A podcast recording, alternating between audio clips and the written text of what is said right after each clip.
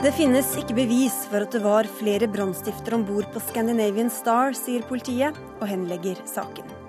Vi er fortvila og oppgitt. Politiet vasser i bevis, mener en gruppe som har jobbet med saken i flere år. Man må være kritisk til hvem man blir med på nachspiel, sier advokat Brynjar Meling etter voldtektsdommen i Hemsedal. Det gjør Høyres Heidi Nordby Lunde ganske forbanna. Og er president Erdogans flørt med Putin et tegn på at Tyrkia går i østlig retning, eller er det bare for å gjøre USA og resten av Nato sjalu?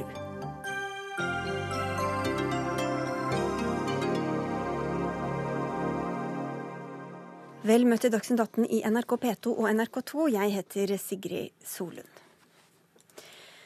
For to år siden gjenopptok politimesteren i Oslo etterforskninga av Scandinavian Star-ulykka etter påtrykk fra interessegrupper.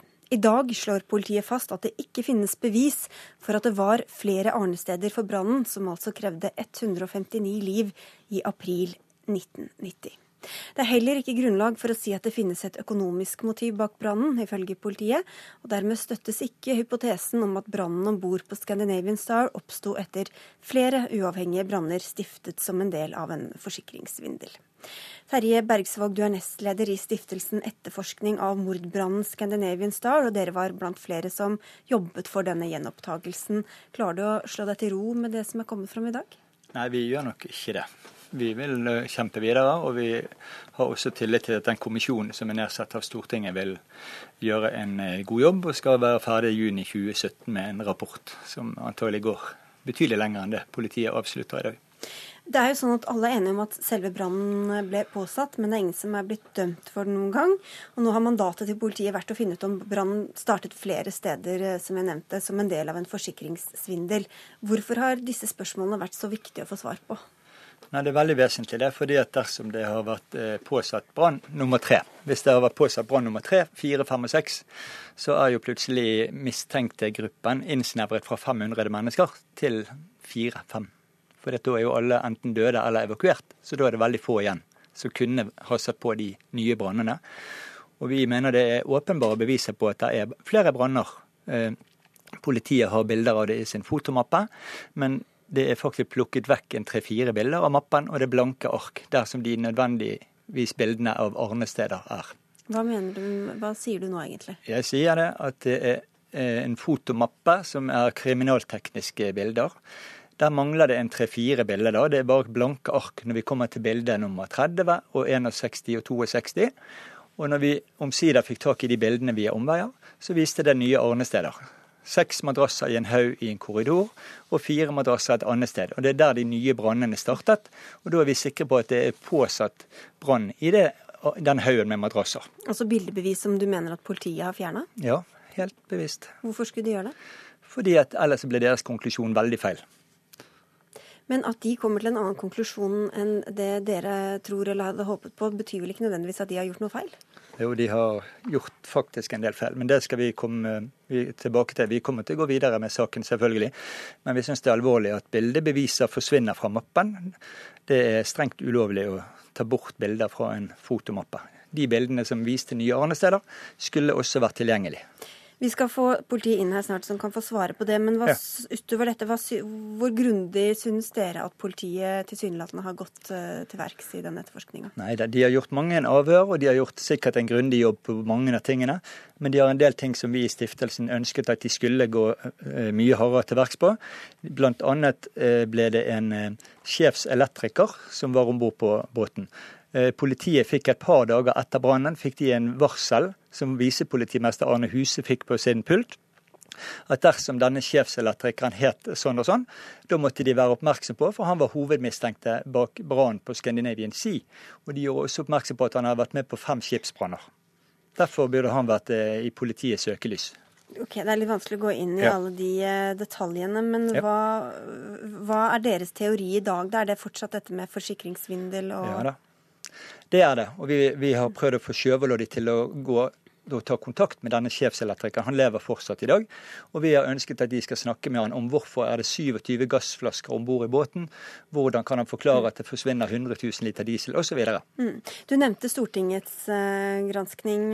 Hvordan kommer dere til å følge opp denne saken framover?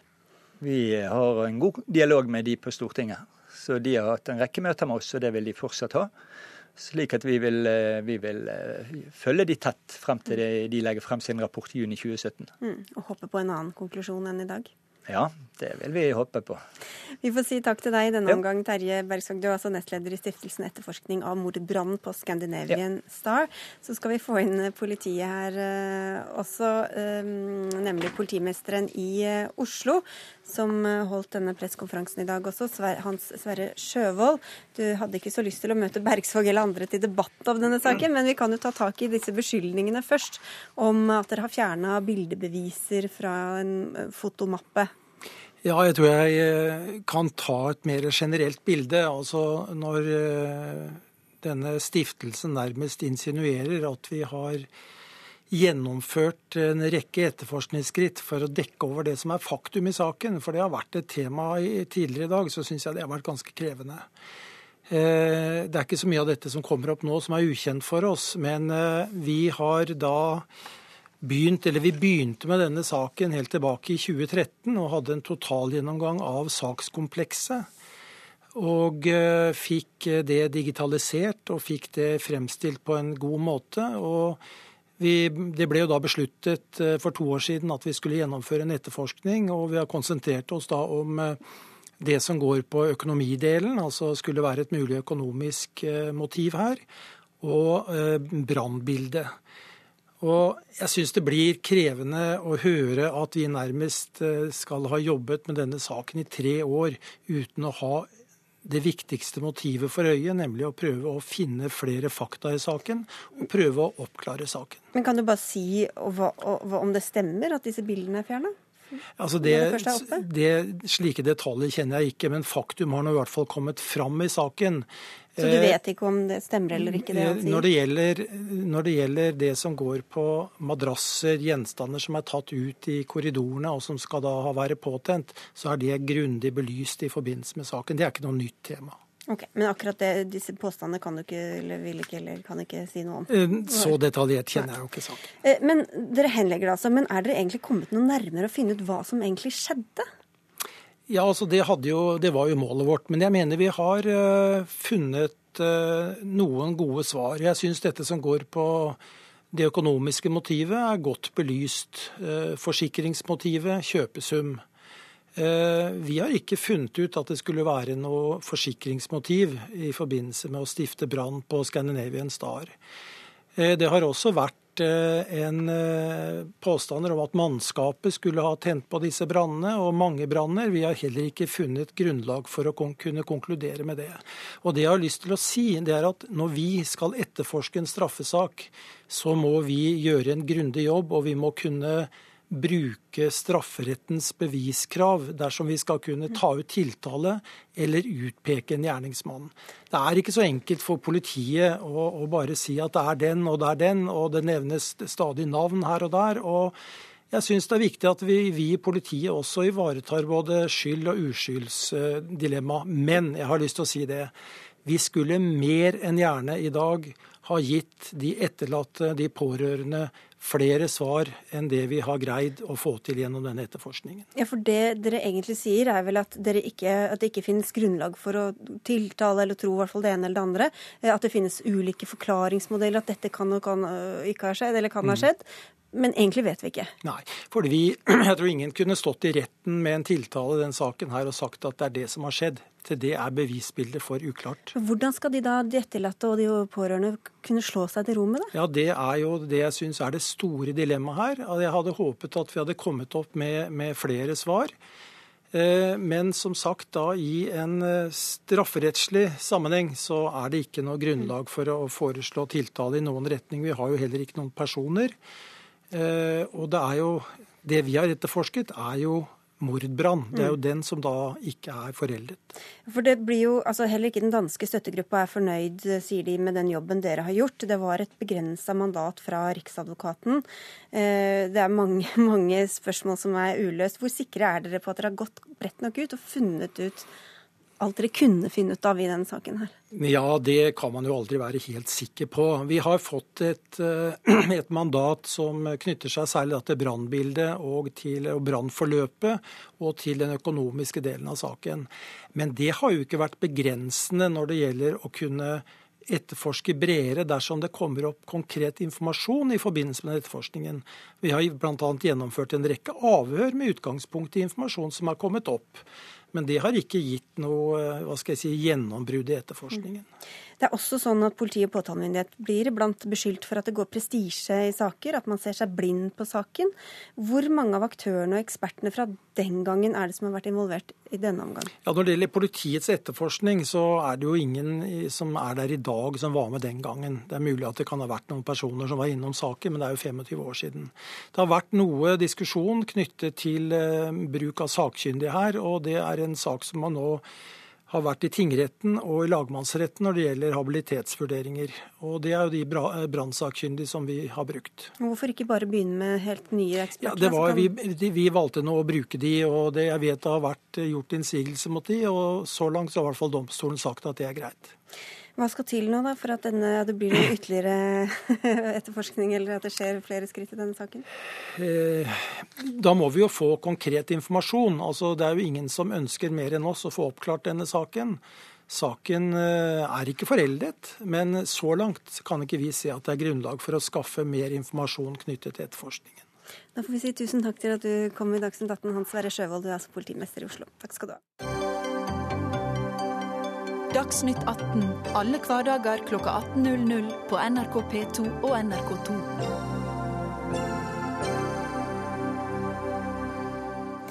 Matematikk er og blir den store bøygen for mange studenter som vil bli lærere i den norske grunnskolen. I Dagsnytt i morges hørte vi at nesten 400 studenter ikke klarte å forbedre karakteren sin gjennom et forkurs i sommer. Det tok de for å karre seg opp på fireren de trenger i matte for å komme inn på lærerstudiet. Tre av fire som tok kurset, strøk på prøven. Dermed kan de se langt etter muligheten for å bli lærer, etter at regjeringa skjerpet kravet fra tre til fire med virkning fra i år. Kristina Gjørungdal, du er blant dem som tok dette forkurset og den påfølgende prøven 1.8, og du fikk ikke bestått. Nei, eh, jeg gjorde ikke det. Det var veldig skuffende, egentlig. Eh, det har vært en veldig stressende prosess hele, helt fra starten, egentlig. Fra vi fikk vite at nå må du ha fire, og helt til nå hvor jeg har fått vite at jeg ikke fikk bestå. Mm. Hva gjør du da? Det jeg har gjort nå, er at jeg har sendt inn en klage, eh, og håper de vil revurdere prøven min. Og hvis ikke, så har jeg måttet søke på et annet lærerstudie som ikke har de samme kravene, da. Mm. Men du sier det har vært en stressende prosess. Eh, skjønner jo at det er stress å ta eksamen og lese ja. midt på sommerferien, men utover det, hva syns du om selve opplegget for prøven? Eh, til å starte med så var det jo ganske greit, for de hadde fått den informasjonen vi trengte på f.eks. samordna opptak. Men det, etter hvert så ble det litt vanskeligere å få svar på mail, det ble litt sånn mye venting og sånne ting. Og så kom vi til kurset, og da Prosessen gikk greit. Men det var etter eksamen at eh, det begynte å bli veldig stressende, da. Fordi alle ble enige om at det her er for mye for oss. Hmm.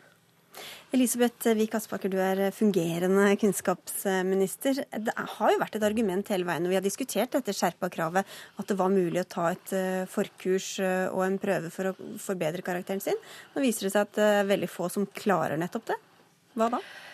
Ja, det er jo ikke veldig hyggelige tall, eh, den strykprosenten vi har sett. Eh, og det betyr jo at eh, vi må både evaluere gjennomføringa av disse kursene denne sommeren, og så må vi jo også bare erkjenne at det er klart at det å løfte seg fra en treer til firer i matematikk, det krever ganske mye innsats.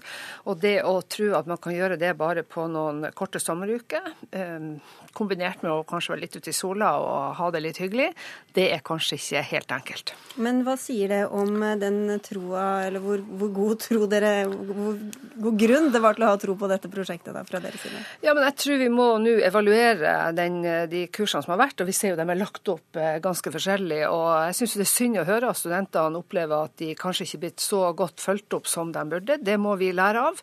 Eh, men det var jo et forsøk på å gi de mest motiverte studentene som ønska å bli lærer, men som ikke hadde karakteren 4, en mulighet til å kunne kvalifisere seg og kunne starte på lærerutdanninga i høst. Og det skal vel ikke være andre krav i august enn det det var i mai, Jørungdal? Nei, altså For oss er det veldig har vært en veldig vanskelig situasjon, da, fordi vi har måttet forholde oss til den informasjonen som vi har fått fra hver enkelt studiested. Okay, så litt dårlig kommunikasjon og sånn? Ja, spesielt men, virker men prøven det som var noe ja, prøven. Prøvens uh, uh, Altså hvor vanskelig den var, det, det, var vel sånn den var for, den, for noen par måneder siden nå? Altså, jeg har ikke tatt uh, matteeksamen på et par år før det her. Mm. Og det er flere enn meg som ikke har tatt det på flere, altså over ti år. Og for oss så virket det mer som om de har prakket inn en 1P og 2P-eksamen i én, men ikke lagt til nok tid da, til at vi fikk gjennomført alle oppgavene og vist det vi kunne. Okay, nå sier jo Aspaker at de skal gå gjennom litt eh, opplegget her, men hvis vi tar tak i det grunnleggende her, da, nemlig dette økte kravet og eventuelt denne forprøven som skulle bøte på det. Karl Øyvind Jordel, du er professor i pedagogikk ved Universitetet i Oslo. Hva tror du kan bli konsekvensen av de resultatene vi da sitter med nå i dag? Nei, Konsekvensen av det er vel kanskje at regjeringen må gå bort fra denne ordningen med sommerkurs. Men det viktige vil jo være at regjeringen besinner seg og, og revurderer dette kravet om fire i matematikk. For jeg tror det er uttrykk for en, en politikk, en opptakspolitikk, som ikke er bærekraftig. Der er rett og slett ikke mange nok studenter som har fire i matematikk til å fylle de lukkede studiene, hvor disse, studiene, hvor disse studentene helst, helst, søker seg, og til å fylle 3000 plasser i lærerutdanning for, for eh, grunnskolen. Med lukkede studier mener jeg altså disse prestisjetunge studiene som medisin, tannlege, sivilingeniør osv. Ja, hvordan skal dere klare det når vi ser hvilken vei det går? Nei, Jeg syns ikke det er grunn til å være særlig misfornøyd med det. Altså, det var i år 5244 kvalifiserte søkere til grunnskolelærer- og lektorutdanninger. Og det er en nedgang på underkant av 4% etter at vi nå innførte karakterkravet 4. En annen viktig ting å ta med seg her, det er at vi vet at Nedgang er det ikke grunn til å være misfornøyd med? Jo, men det er bare 4% færre. Og noen har jo spådd at det ville bli radikalt færre søkere og kvalifiserte søkere til lærerutdanningen hvis man innførte dette kravet. Det er i underkant av 4% færre kvalifiserte søkere. Det som, viktig, det som er viktig å tenke på her, det er at Gjennomføringsgraden henger sammen med hvor godt kvalifisert studentene er som begynner. Så det å ha godt og bedre kvalifiserte lærerstudenter som begynner på studiet, gjør også at flere kommer til å fullføre. Så vi har virkelig tro på at dette er et bidrag til å skaffe oss flere kompetente lærere i fremtida. Dette, dette gjennomsnittstallet som statsråden nå nevner, på 3,9% som søkningen er gått ned med, det skjuler store ulikheter. og Den bekymringsfulle utdanningen det er lærerutdanningen for trinn 1-7. Og den mest bekymringsfulle aspekt innen denne utdanningen det er rekrutteringen av barneskolelærere i Nord-Norge. Men... I Nord-Norge er det nå 69 som har fått tilbud, og tilbudet til noen av disse vil bli trukket tilbake fordi de ikke har bestått denne prøven. Da lærerutdanningen i Nord-Norge gikk for fullt, vil jeg anta at det var 150 som i året fikk tilbud om å bli småskolelærer. Så det er en dramatisk nedgang i søkningen til eh, eller i opptaket til, til lærerutdanningen for 1-7 i Nord-Norge. Og, og, det vil slå ut uh, i skoler i Nord-Norge først. Med tanke på hvor du er valgt inn fra, Aspaker, så er vel det noe du er programforplikta til å altså, Vi følger denne situasjonen nøye, men jeg er mye mer bekymra for den situasjonen som er i Nord-Norge, med mange plasser hvor man da har eh, lærere som har hatt altfor lave kvalifikasjoner i møte med elevgruppen sine. Så heller ingen lærer enn en for dårlig utdannet lærer? Men det er viktig nå at vi får til eh, lærer, eh, rekruttering til lærerstudiet som gjør at studentene fullfører. Altså bare under halvparten av de som starta på grunnskolelærerutdanninga høsten 2010, hadde fullført fire år senere. Så vi må ikke lure oss til å tro at bare kravene for å komme inn på lærerutdanninga er lav nok, så får vi flere lærere i andre enden. Jordel, dette er jo et nytt system. Hvordan vet du at det ikke på lang sikt kan eh, heve statusen, gjøre at flere ønsker seg inn på utdanninga, og dermed kvalifiserer seg altså til å bli lærere? Det vet jeg selvfølgelig ikke, men man må jo da antagelig skru opp lønnen, slik at den tilsvarer lønnen i disse prestisjetunge studiene jeg nevnte. Man kan ikke man kan ikke gjøre dette i det, i det tomme intet. Man må justere andre faktorer også. Og la meg bare si at altså, Det greit, hadde vært greit nok å stille krav om fire i matematikk til de som skal bli matematikklærere på høyere trinn. Men å stille det til de som er oppfattet slik at Kristina ikke hadde tenkt å bli mattelærer, men undervise i andre fag, og at hun også da skal stilles overfor et krav i matte, det, høres, det er helt meningsløst. Når det, småskolen, når, det gjelder, når det gjelder småskolen, så er det da slik at, at det er nokså elementær regning som man da skal undervise i, og da er det ikke nødvendig å ha fire, skulle jeg mene, i den svært teoretiske matematikken som man har i annet trinn på videregående skole. Ja, for Jørgen, det er en dårlig mattekarakter som hindrer deg å undervise i noe helt annet enn eh, matematikk? Ja, det er det. Jeg skulle bli engelsk- og samfunnsfaglærer. Og det er et av de problemene som vi som studenter har hatt, er at vi forstår ikke hvorfor skal en som har mindre i snitt, men har fire i matte, f.eks. tre i engelsk, får nå min plass som engelsklærer. Mm. Det er helt uforståelig. Kan du forklare det, Aspaker? Ja, jeg mener at man konsekvent undervurderer matematikk som eh, grunnleggende ferdighet og som et faglig verktøy. Og Nå sies det her at, man, at hun hadde lyst til å under, undervise i samfunnsfag. Altså Matematikkforståelse handler om å kunne lese statistikk. Matematikkforståelse handler om å, for, om å forstå sammenhenger mellom ting.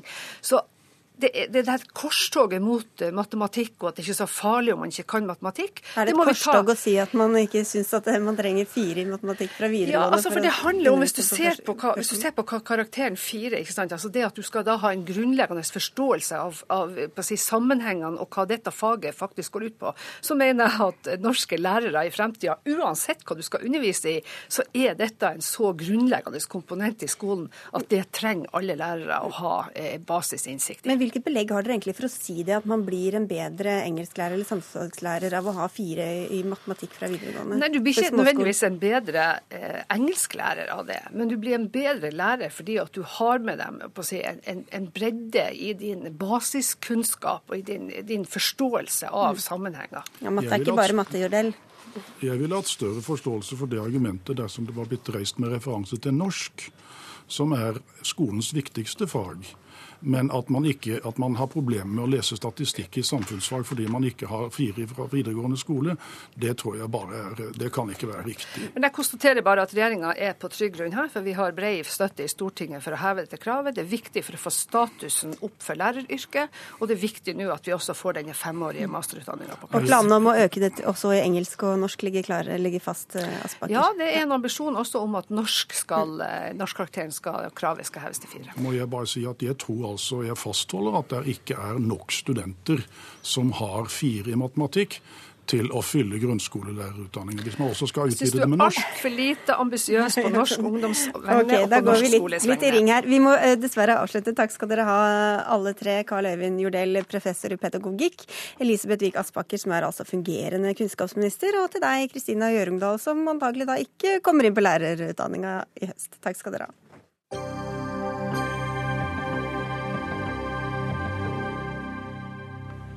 Økonomi og Syria var to viktige temaer da presidentene i Russland og Tyrkia møttes i St. Petersburg i dag. Mens det ikke har vært noen møter mellom vestlige statsledere og Erdogan etter kuppforsøket i Tyrkia for fire uker siden, møttes den tyrkiske presidenten og Vladimir Putin for få timer siden. Kristin Solberg, du er korrespondent i Istanbul. Hva ble sagt etter dette møtet? Ja, nå har eh, Erdogan og Putin nettopp hatt en eh, pressekonferanse, og som ventet så var det mange varme ord eh, om et viktig forhold mellom de to landene, eh, og, og, mange verbale klapp på skulderen. Og begge lederne snakket om viktigheten av å normalisere og bevare dette forholdet. For forholdet mellom Russland og, og Tyrkia ble jo iskaldt etter at Tyrkia skjøt ned et russisk kampfly i november i fjor. Eh, så sa endelig eh, eh, Erdogan unnskyld i et brev til Putin i, juni. Og dette er da altså det, det første, første, gang de møtes siden, siden, da. Men dette møtet handlet jo også ikke bare om forholdet mellom Russland og Tyrkia, men det var også mye som, som ligger mellom linjene i det som ble sagt her. Og de handlet om den symbolske meldingen ved dette besøket. Altså dette er det første statsbesøket som Erdogan er på etter kuppforsøket, og han legger det da altså til Russland. Og det i en tid der forholdet til Europa og USA er kjøligere enn på mm. veldig lenge. Hvordan skal vi tolke det, Joakim Parslov, du er førsteamanuensis i Midtøsten-studier ved Universitetet i Oslo, at han tok turen til, til Russland? Ja, nei, det, det, er mye å ta tak i her. Eh, for det første så, så tror jeg ikke vi skal legge altfor mye i det. Jeg vet at det er veldig mange i, i Vesten nå, og særlig i USA, som, som er litt forskrekkede og lurer på om dette er eh, Erdogan som nå liksom vender ryggen til Vesten. Eh, og, og, har tenkt å liksom legge om sine allianser fullstendig. Eh, og Det er, det er litt nærliggende å tro det, ettersom Erdogan har vært ute med veldig hard retorikk mot Vesten etter dette mislykkede kuppforsøket 15.07, eh, hvor han liksom står på scenen og anklager USA og CIA osv. For, å, for å være ute etter ham og hele Tyrkia og ville liksom ødelegge Tyrkia. Men, men jeg tror ikke vi skal konkludere med at det er det han gjør. Jeg tror nok heller han han forsøker på en eller annen måte nå å som han sier, normalisere forholdet til Russland. Få i gang en, en dialog, eh, men muligens også samtidig eh, sette en liten støkk i Vesten. ikke sant? La oss høre om han klarte det. Tove Bjørgaas, du er korrespondent i Washington. Hva er reaksjonen i USA på tilnærminga her mellom Tyrkia og Russland?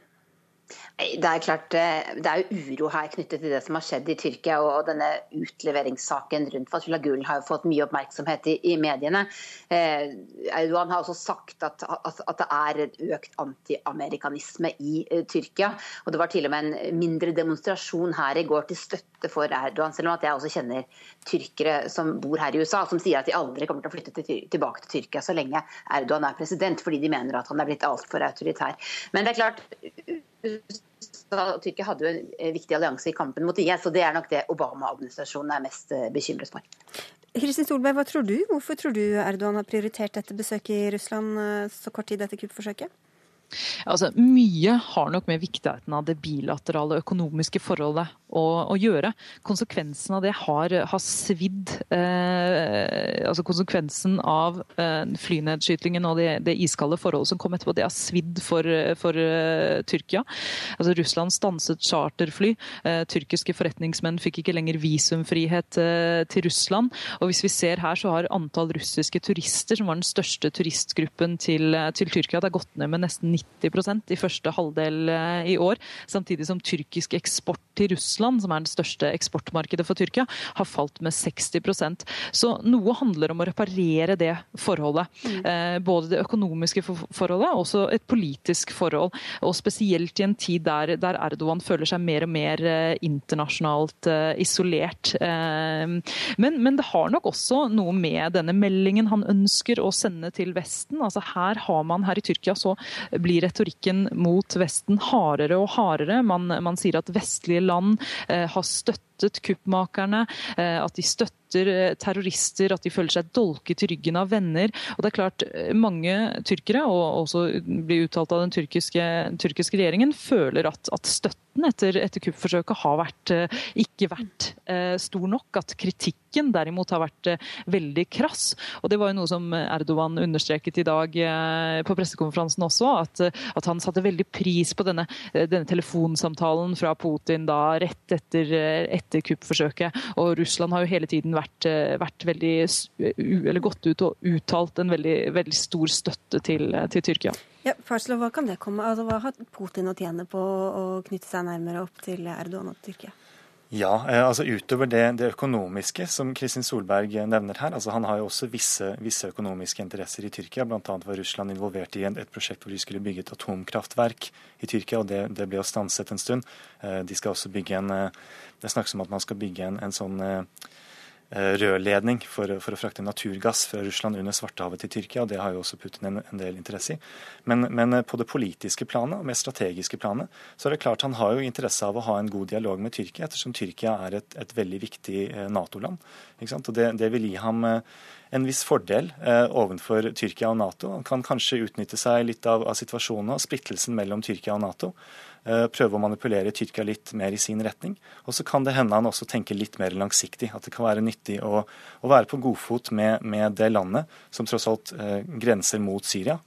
Eh, når, når, konflikten til slutt forhåpentligvis tar slutt, mm. eh, og folk skal til forhandlingsbordet og, og finne ut av hva situasjonen skal være etter konflikten er ferdig. Nato, Tove Bjørgaas, hvor bekymringsfullt er dette eventuelt varmere forholdet for, for Nato, tror du? Det er klart, For amerikanerne i forhold til Nato så ønsker jo de å, å, for, å fordele oppgavene, spesielt i forhold til, til Midtøsten. og Der er Tyrkia en nøkkelspiller for USA. så det er klart På den måten er det, er det eh, bekymringsfullt. Men president Obama har i hvert fall sittet rolig her og sagt at det ikke er aktuelt å utlevere eh, Gulen før han har beviser for at det var han som sto bak kuppforsøket. Ja, han opposisjonelle i, i, Tyrkia, bare for å nevne, altså, forklare det. Ja. En, viktig, ja, han, altså, det er da denne eh, eh, moderate muslimske lederen som bor her i, i, i, USA. Han bor i Pennsylvania, her har han bodd siden 1990-tallet. Og, og, med en gang kuppet skjedde, så var det veldig mange som mente at, at det var han som hadde inspirert det, eller eventuelt eh, sto bak. Nå viser også undersøkelser i, i, Tyrkia som New York Times refererer til, i hvert fall, at 69% av de spurte tyrkerne sier at de mener CIA sto bak dette kuppet, og 20% mener Obama-administrasjonen gjorde det. Så, ja, så denne antiamerikanismen er tydelig i hvert fall plantet i Tyrkia. Hvis vi nå ser et slags tospann her, hva slags maktfaktor kan Tyrkia og Russland eh, utgjøre, Berslov? Ja, altså, som sagt, når, når det gjelder eh, når det gjelder liksom realpolitikken her, da, så, så, er det jo veldig mange som tenker spesielt på Syria, Syria-konflikten. Eh, og akkurat der tror jeg nok ikke Erdogan kommer til å legge om sine allianser fullstendig. Jeg tror nok heller det er, er spørsmål om at han nå eh, innser at Assad kanskje ikke kommer til å gå til slutt. At han, han, har fått nok støtte fra Russland til at han kan overleve, eller hans regime kan overleve på en eller annen måte. Og at han nå begynner å tenke litt langsiktig. Eh, det kan f.eks. være nyttig for ham å være venn med, med Russland når man skal til, tilbake til forhandlingsbordet. Eh, fordi da kan f.eks. Erdogan få innfridd sine krav om at kurderne ikke må ha sin egen autonome enklave eh, nord i Syria. Det er et veldig viktig krav for ham, og det er noe Putin har veldig lenge krevd at, at, kurderne må være til stede ved forhandlingsbordet, noe Erdogan ikke vil ha i det hele tatt. Det er sånne småting, tenker jeg, eh, hvor, hvor, det kan være nyttig for begge partene å, å være i dialog med hverandre når, eh, når liksom dette store sjakkspillet da, skal eh, avsluttes i Syria. Da må jeg bare spørre helt avslutningsvis, Kristin Solberg, Ble det sagt noe om, om Syria på pressekonferansen etter møtet? Ja, Det har de ikke kommet til ennå. De tar åpenbart de lettere temaene først. Dette er jo noe av, de, noe av det mest vanskelige, og der de står lengst fra hverandre, all den tid de, de støtter eh, to forskjellige parter i, i Syriakrigen. Så på pressekonferansen så var det en journalist som spurte om eh, man hadde kommet noe nærmere, og da sa Putin at det hadde man ikke rukket å snakke om, men det var noe de ville snakke videre om utover, utover kvelden. Men noen, noen løse løsning eh, der skal det nok mer enn et, eh, enn et eh, møte til. Men Tyrkia har jo signalisert at de kan komme til å fire noe på sine krav om at Assad må gå av, slik de har krevd i, i, i fem år. Mm. Og, og, kan komme til å endre sin Syria-politikk. I hvert fall noe. Det har vel kanskje ikke så mye med forholdet til Russland å gjøre, men mer realitetene på slagmarken. At det er at det er myndighetssiden som, som, som, klart ser ut til å vinne der, sånn at uh, Tyrkia skal, kan ønske å posisjonere seg for, for ettertiden. En viss bevegelse der, altså. Vi får se. Takk skal dere ha i hvert fall i denne omgang, Joakim Parslov fra Universitetet i Oslo, og til korrespondentene Kristin Solberg og Tove Bjørgaas.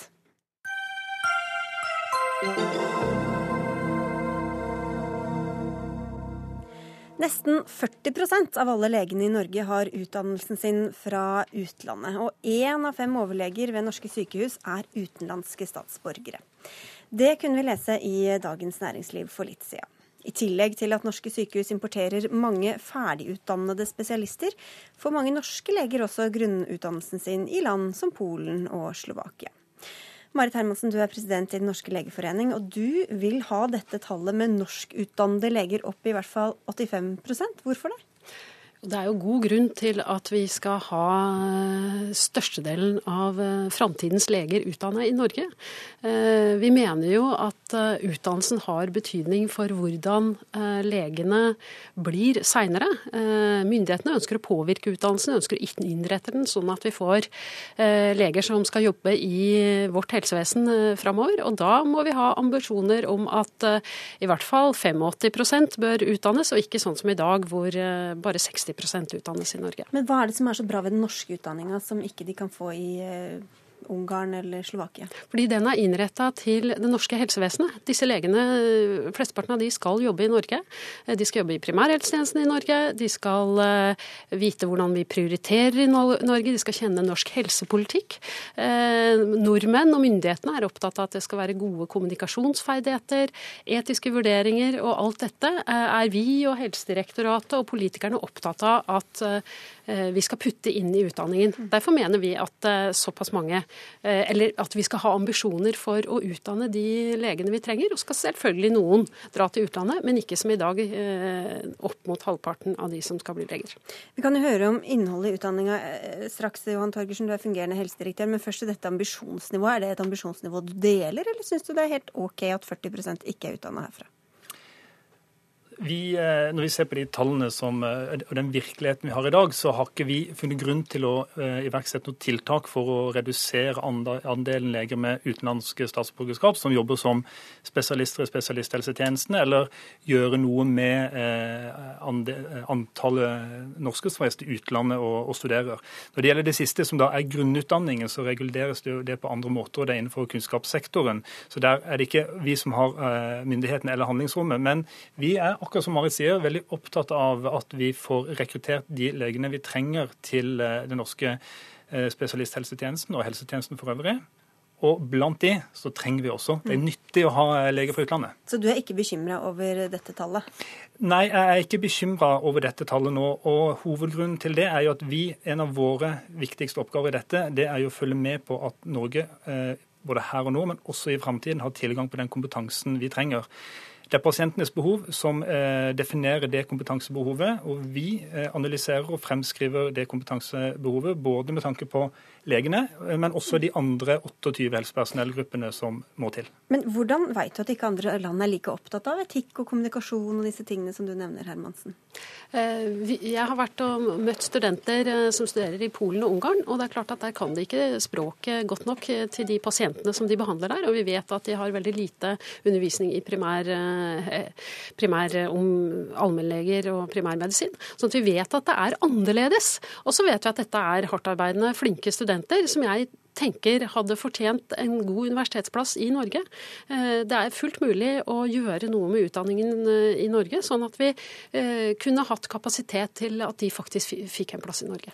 Hvordan, vi kan jo se for oss at det er språkbarriere hvis det kommer inn utenlandske leger, men også til disse norske som utdannes i andre land, Torgersen.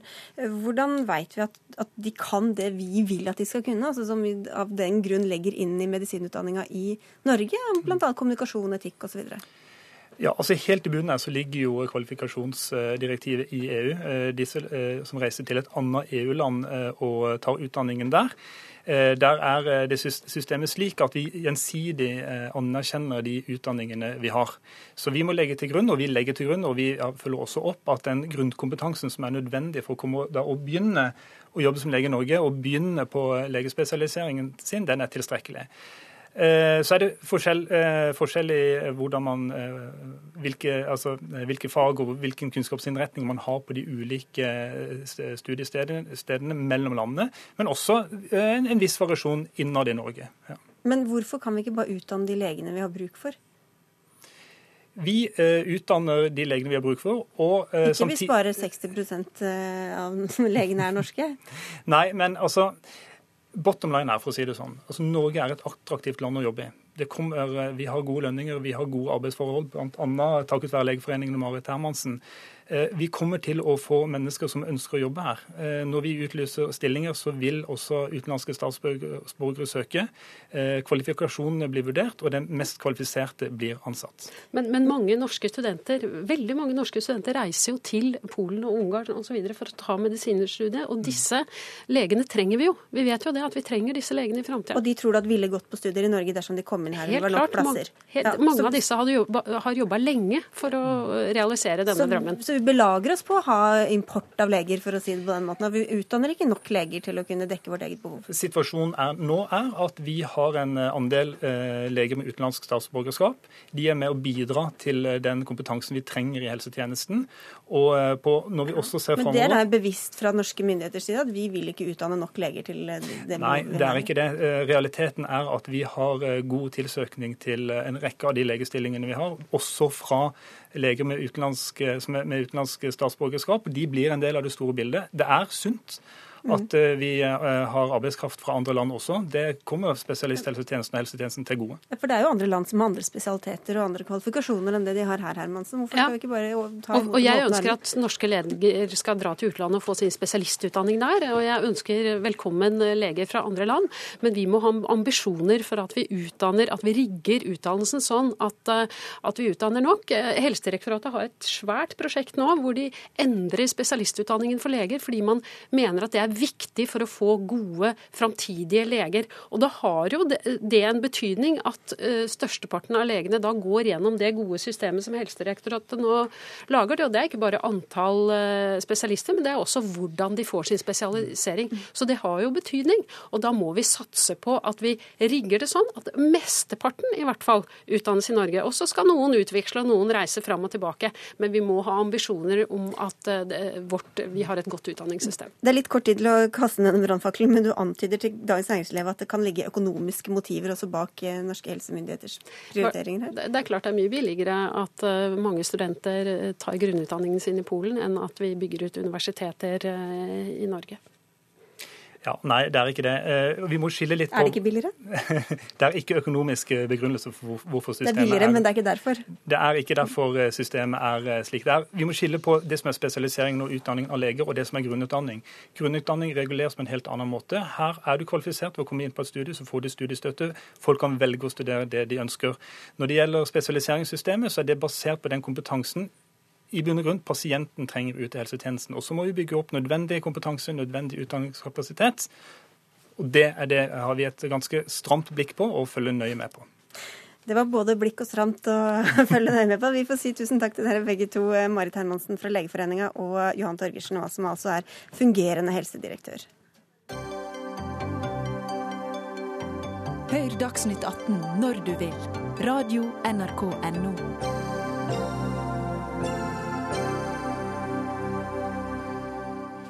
I går møtte tusenvis av nordmenn opp i flere norske byer for å uttrykke misnøye med voldtektsdommen i Hemsedal, som vi også har snakket mye om her i Dagsnytt 18. Saken har satt sinnene i kok i den norske befolkninga og aktualisert debatten om ansvar og forebygging, men ikke alle mener reaksjonene er like prisverdige. Advokat Brynjar Meling i et intervju med Klassekampen i helga kritiserer du reaksjonen etter dommen og sier at det er behov for folkeopplysning. Hvorfor er det det? For det første viser reaksjonene at eh, folk flest kanskje ikke setter seg inn i en sak før de uttaler seg og blir veldig bestyrtet.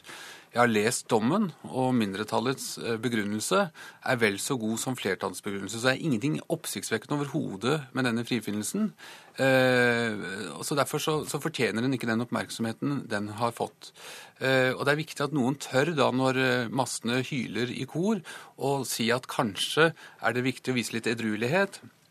Kanskje er det viktig å fremheve de gamle idealene om rettssikkerhet, og ikke degenerere debatten sånn som det er blitt gjort i denne saken, hvor politikere og, og andre går ut med populistiske uttalelser som går på rettssikkerheten løs.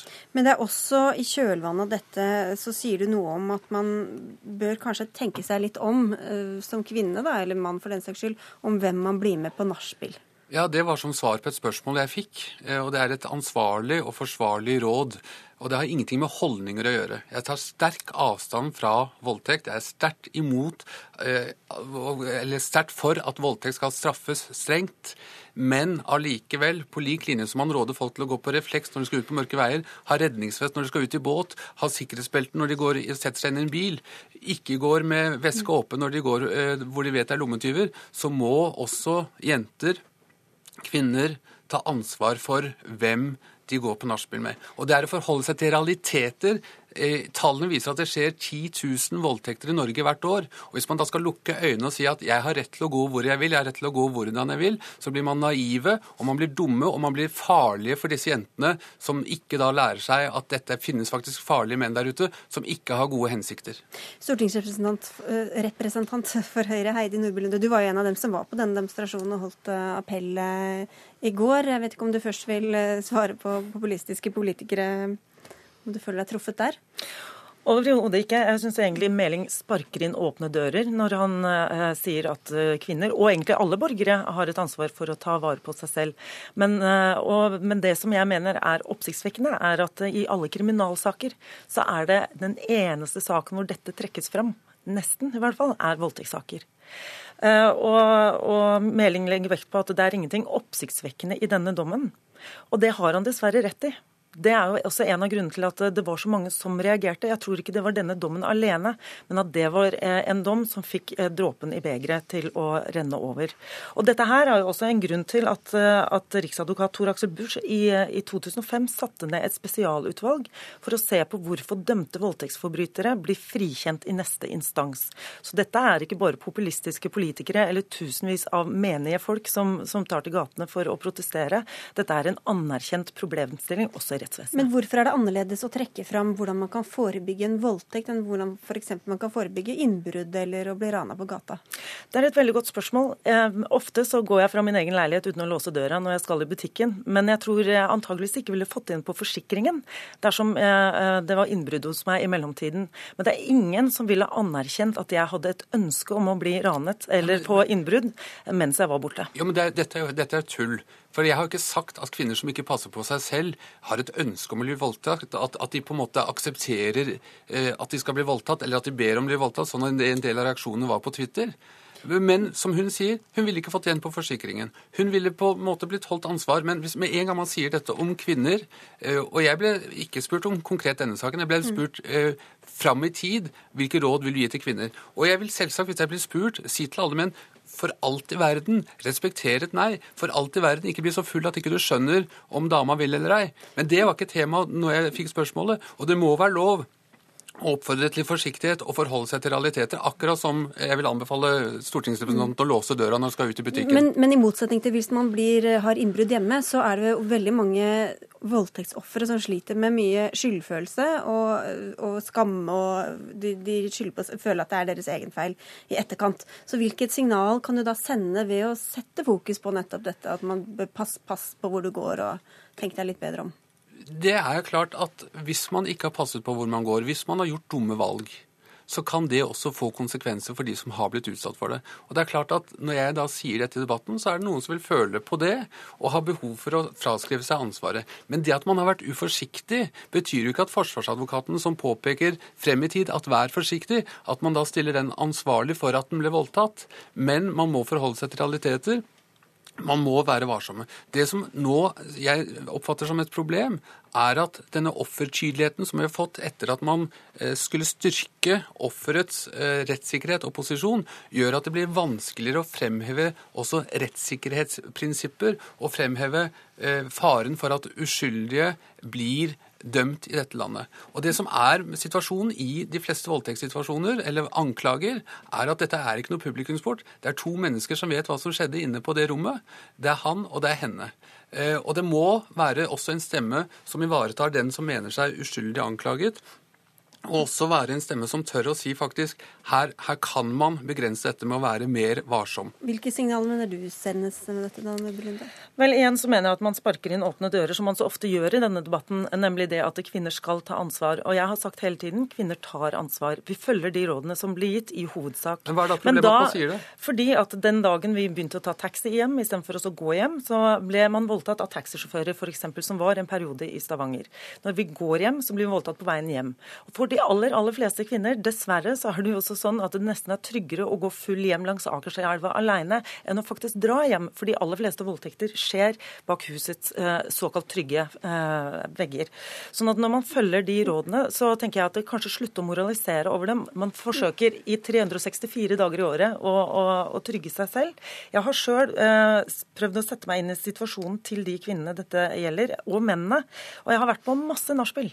Jeg har invitert hjem til nachspiel. Det betyr ikke at jeg er invitert hjem til voldtekt, eller invitert meg selv Nei, til voldtekt. Det betyr at du setter deg i en litt mer utsatt posisjon enn om du ikke gjorde det? Det er absolutt, men det betyr heller ikke at, eh, at det er, eh, er, tillatt. Jeg har ikke lov til å misbruke de som kommer hjem til meg, eller, eller motsatt. Men hvis han bare sparker inn åpne dører, så sier han vel ikke noe gærent heller, da? Men, øh, jo, fordi at dette her er den eneste øh, saken hvor dette kommer opp som et moment. Dette er den eneste saken hvor dette blir gjort til et moment. Og det er fordi at mange gjør dette til en mann-dame-greie, en kvinnesak. Dette handler handler ikke om det. Dette handler om kriminalitet. En voldtekt er en kriminell handling på lik linje med tyveri, på lik linje med et innbrudd, på lik linje med et drap. Eh, menn som gruppe er ikke mer ansvarlig for de kriminelle elementene enn det eh, f.eks. damer er. Men når du, ser, når du ser hvor mange holdninger som, som kvinner, eh, eller andre da, menn som, som er potensielle voldtektsofre, eller i hvert fall sier at de er det, blir møtt med i retten, tror du ikke at her er det en sånn slags saus som liksom kan vikles litt inn i og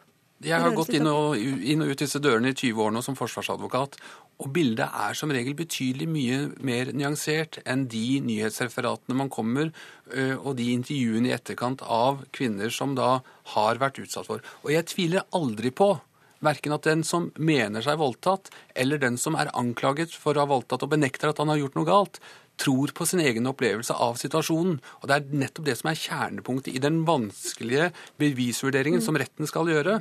Men hvis vi sier og Det er derfor, det er, det er derfor ja. jeg må advare mot den voldsomme presset som ligger nå. For vi, altså selv i høst skal jeg gjennom eh, tre eller fire store rettssaker som omfatter en rekke voldtekter. Og hvis det da blir et sånn et press på disse meddommerne som har påtatt seg samfunnsansvar, som vi har gjort i denne saken her, så er jeg redd for rettssikkerheten fordi ja det er en litt annen debatt som vi hadde i går også, men, eller du var vel med på den også på, tidligere. Men, men uh, bare helt sånn avslutningsvis, fordi at når du sier at man må ta sine forholdsregler, så må man også da tåle å få de spørsmålene i etterkant. da. Tok du dine forholdsregler? Hva, ja, hva, hva hadde du på deg, og tok du med noen, noen hjem osv.? Men kan ikke mennene få det spørsmålet om de har tatt sine forholdsregler? Ja, det det har de sørget for at de ikke var fulle? At eh, kameratene sørger for at du ikke drar på nachspiel eller drar med deg noen hjem fra nachspiel? At mannen kommer seg trygt hjem, sånn at han ikke blir uskyldig anklaget for voldtekt? Hvorfor kommer ikke disse spørsmålene jo, i disse debattene? De kommer, de kommer, kun til kvinner, og det er derfor dette er en kvinnesak. Du stiller spørsmålet nå. De kommer til menn, og selvsagt skal menn ta ansvar. Selvsagt det, skal menn ikke voldta.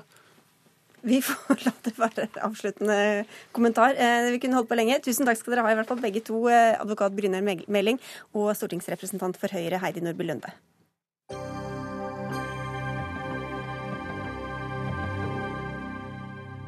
Så skal vi til OL i Rio, som er i full gang. Og som med fotball-VM for to år siden, har kontroversene stått eh, i kø. Bilder av sinte brasilianere som kaller arrangementet et pengesluk, er vist i norske og internasjonale medier. Og brasilianske myndigheter er blitt kritisert for å tvangsflytte mennesker og slå hardt ned på demonstrasjoner. OL er rett og slett ikke bra for Rio, hevdes det. Men det er du uenig i, Leonardo Doria. Du er norsk-brasilianer og ansvarlig for nettstedet heiabrasil.no. Og født og oppvokst i Rio, hvor du også befinner deg nå. I en kronikk i Aftenposten skriver du at OL har løftet Rio. Hvordan har du gjort det? Nei, det som jeg skrev i den, i den artikkelen, så er det sånn at jeg ønsker velkommen en stor debatt om uh, OLs betydning i det hele tatt for de byene som arrangerer det. Men samtidig så sier jeg at uh, alle OL-arrangementene må ses uh, for seg selv. Det, man kan sammenligne med andre arrangementer, men man må se da på hva er det som bringer av fordeler og gevinster for de som arrangerer. Når det gjelder Rio de Janeiro, så er det en rekke, en rekke ting som, som, har blitt mye bedre allerede. Det går på transport, det går på, uh, på bygning av, av, anlegg for flomkontroll, som er et stort, uh, et stort problem i Rio de Janeiro.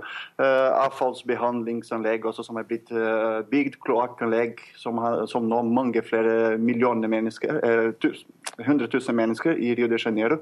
Jeg kan selvfølgelig gå gjennom alle de mm. punktene her også med, med data for det. Men det kan vi se om det er behov etter hvert. da. Du har en liste allerede her. Eh, hva er da problemet, Torkjell Leira? Du er forfatter og samfunnsgeograf, og du skrev også i Aftenposten, men med motsatt konklusjon, at OL er ikke bra for Rio?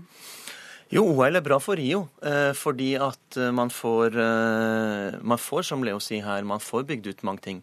Men det er en fest som koster mye mer enn det smaker. Og for de samme midlene som man nå bruker på et voldsomt flott OL, så kunne man fått til mye mer byutvikling. Man, man kunne fått, fått til mye mer fattigdomsreduksjon enn det man gjør på et OL, sånn som OL har blitt. Som er et, blitt et stort kommersielt sirkus, sånn som skjer i dag. Så den lista vi hørte, det er vel og bra, men det er ikke der hvor det egentlig var først og fremst behov for å bruke penger? Mener du? Veldig mange av de tingene som er lista opp her, og mange av de tingene som har blitt gjort i Rio, er helt ypperlige investeringer. Men hovedpoenget mitt er at man kunne fått mye mer ut av pengene hvis de hadde blitt eh, brukt på en eh, annen måte. For det her koster jo tross alt over 100 milliarder kroner. Og, og, jeg mener at eh, det meste av det her kommer til å vise seg i etterkant. Det er offentlige midler. Og det, det er skattebetalernes penger i Brasil. Og akkurat på samme måte som vi hadde den debatten her rundt eh, et eventuelt vinter-OL i Oslo 2022, så fant vi ut etter hvert at nei, det koster mer enn det smaker. Mm. Og jeg mener også at en klar, klar konklusjon for et Rio og et Brasil som sliter med mye større fattigdomsproblemer.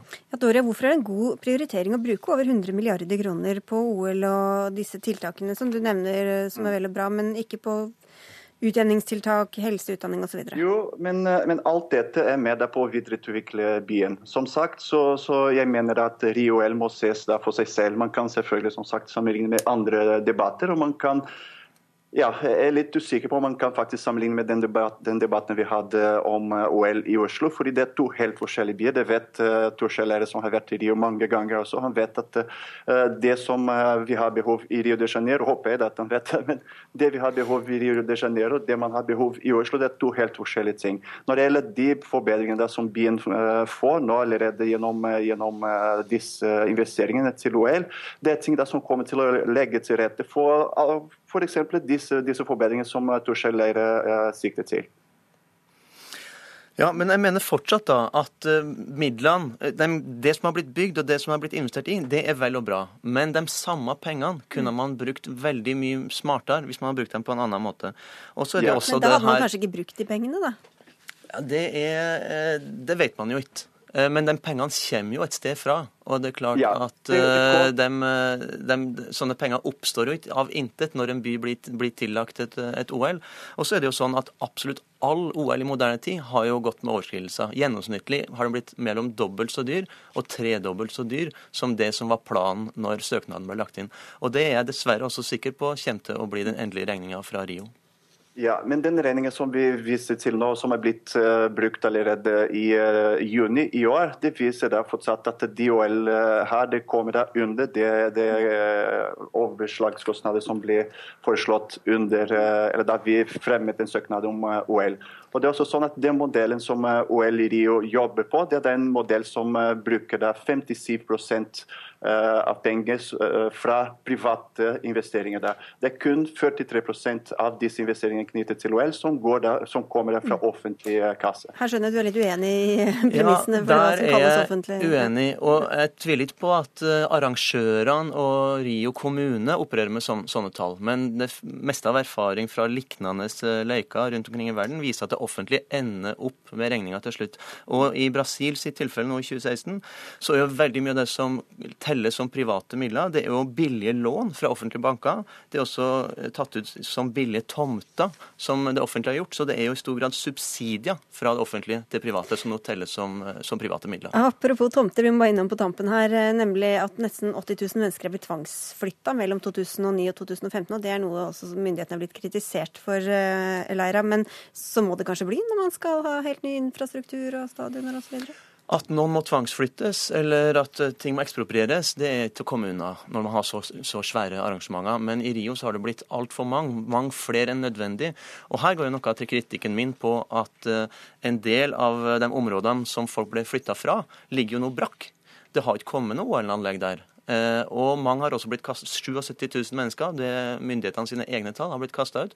Og mange har ikke fått et ordentlig tilbud der de kan dra i stedet for du skal få lov, hvis du, hvis du vil Doria, å forsvare mm. dette, hvordan kan det forsvares å tvangsflytte så mange mennesker? Nei, det kan, det kan, selvfølgelig ikke forsvares, men det går an å nyansere det også. På samme måte som du sa, at hvis man skal bygge noe, hvis man skal bygge uh, veier, så må dessverre noen flyttes. Dessverre så kan vi se også at det er folk som uh, kanskje ikke hadde behov til å, bli, uh, til å bli tvangsflyttet. Men vi ser også at det er veldig mange av de som har blitt flyttet, der, som bor nå i bedre, på, på steder på, med bedre infrastruktur. bedre bedre områder, og som tidligere bodde da i stedet som var rett og slett farlig. Hvert år i Rio de Janeiro når det, er, eh, når det kommer disse, disse tunge eh, som vi får da i eh, i det, det mars, mars, april måned, så er det faktisk veldig mange som dør fordi de, er, fordi de, bor da i områder hvor det er farlig, hvor det ikke ligger til rette for at folk skal bo i det hele tatt. Vi må si takk til dere begge to. OL er det åkke som.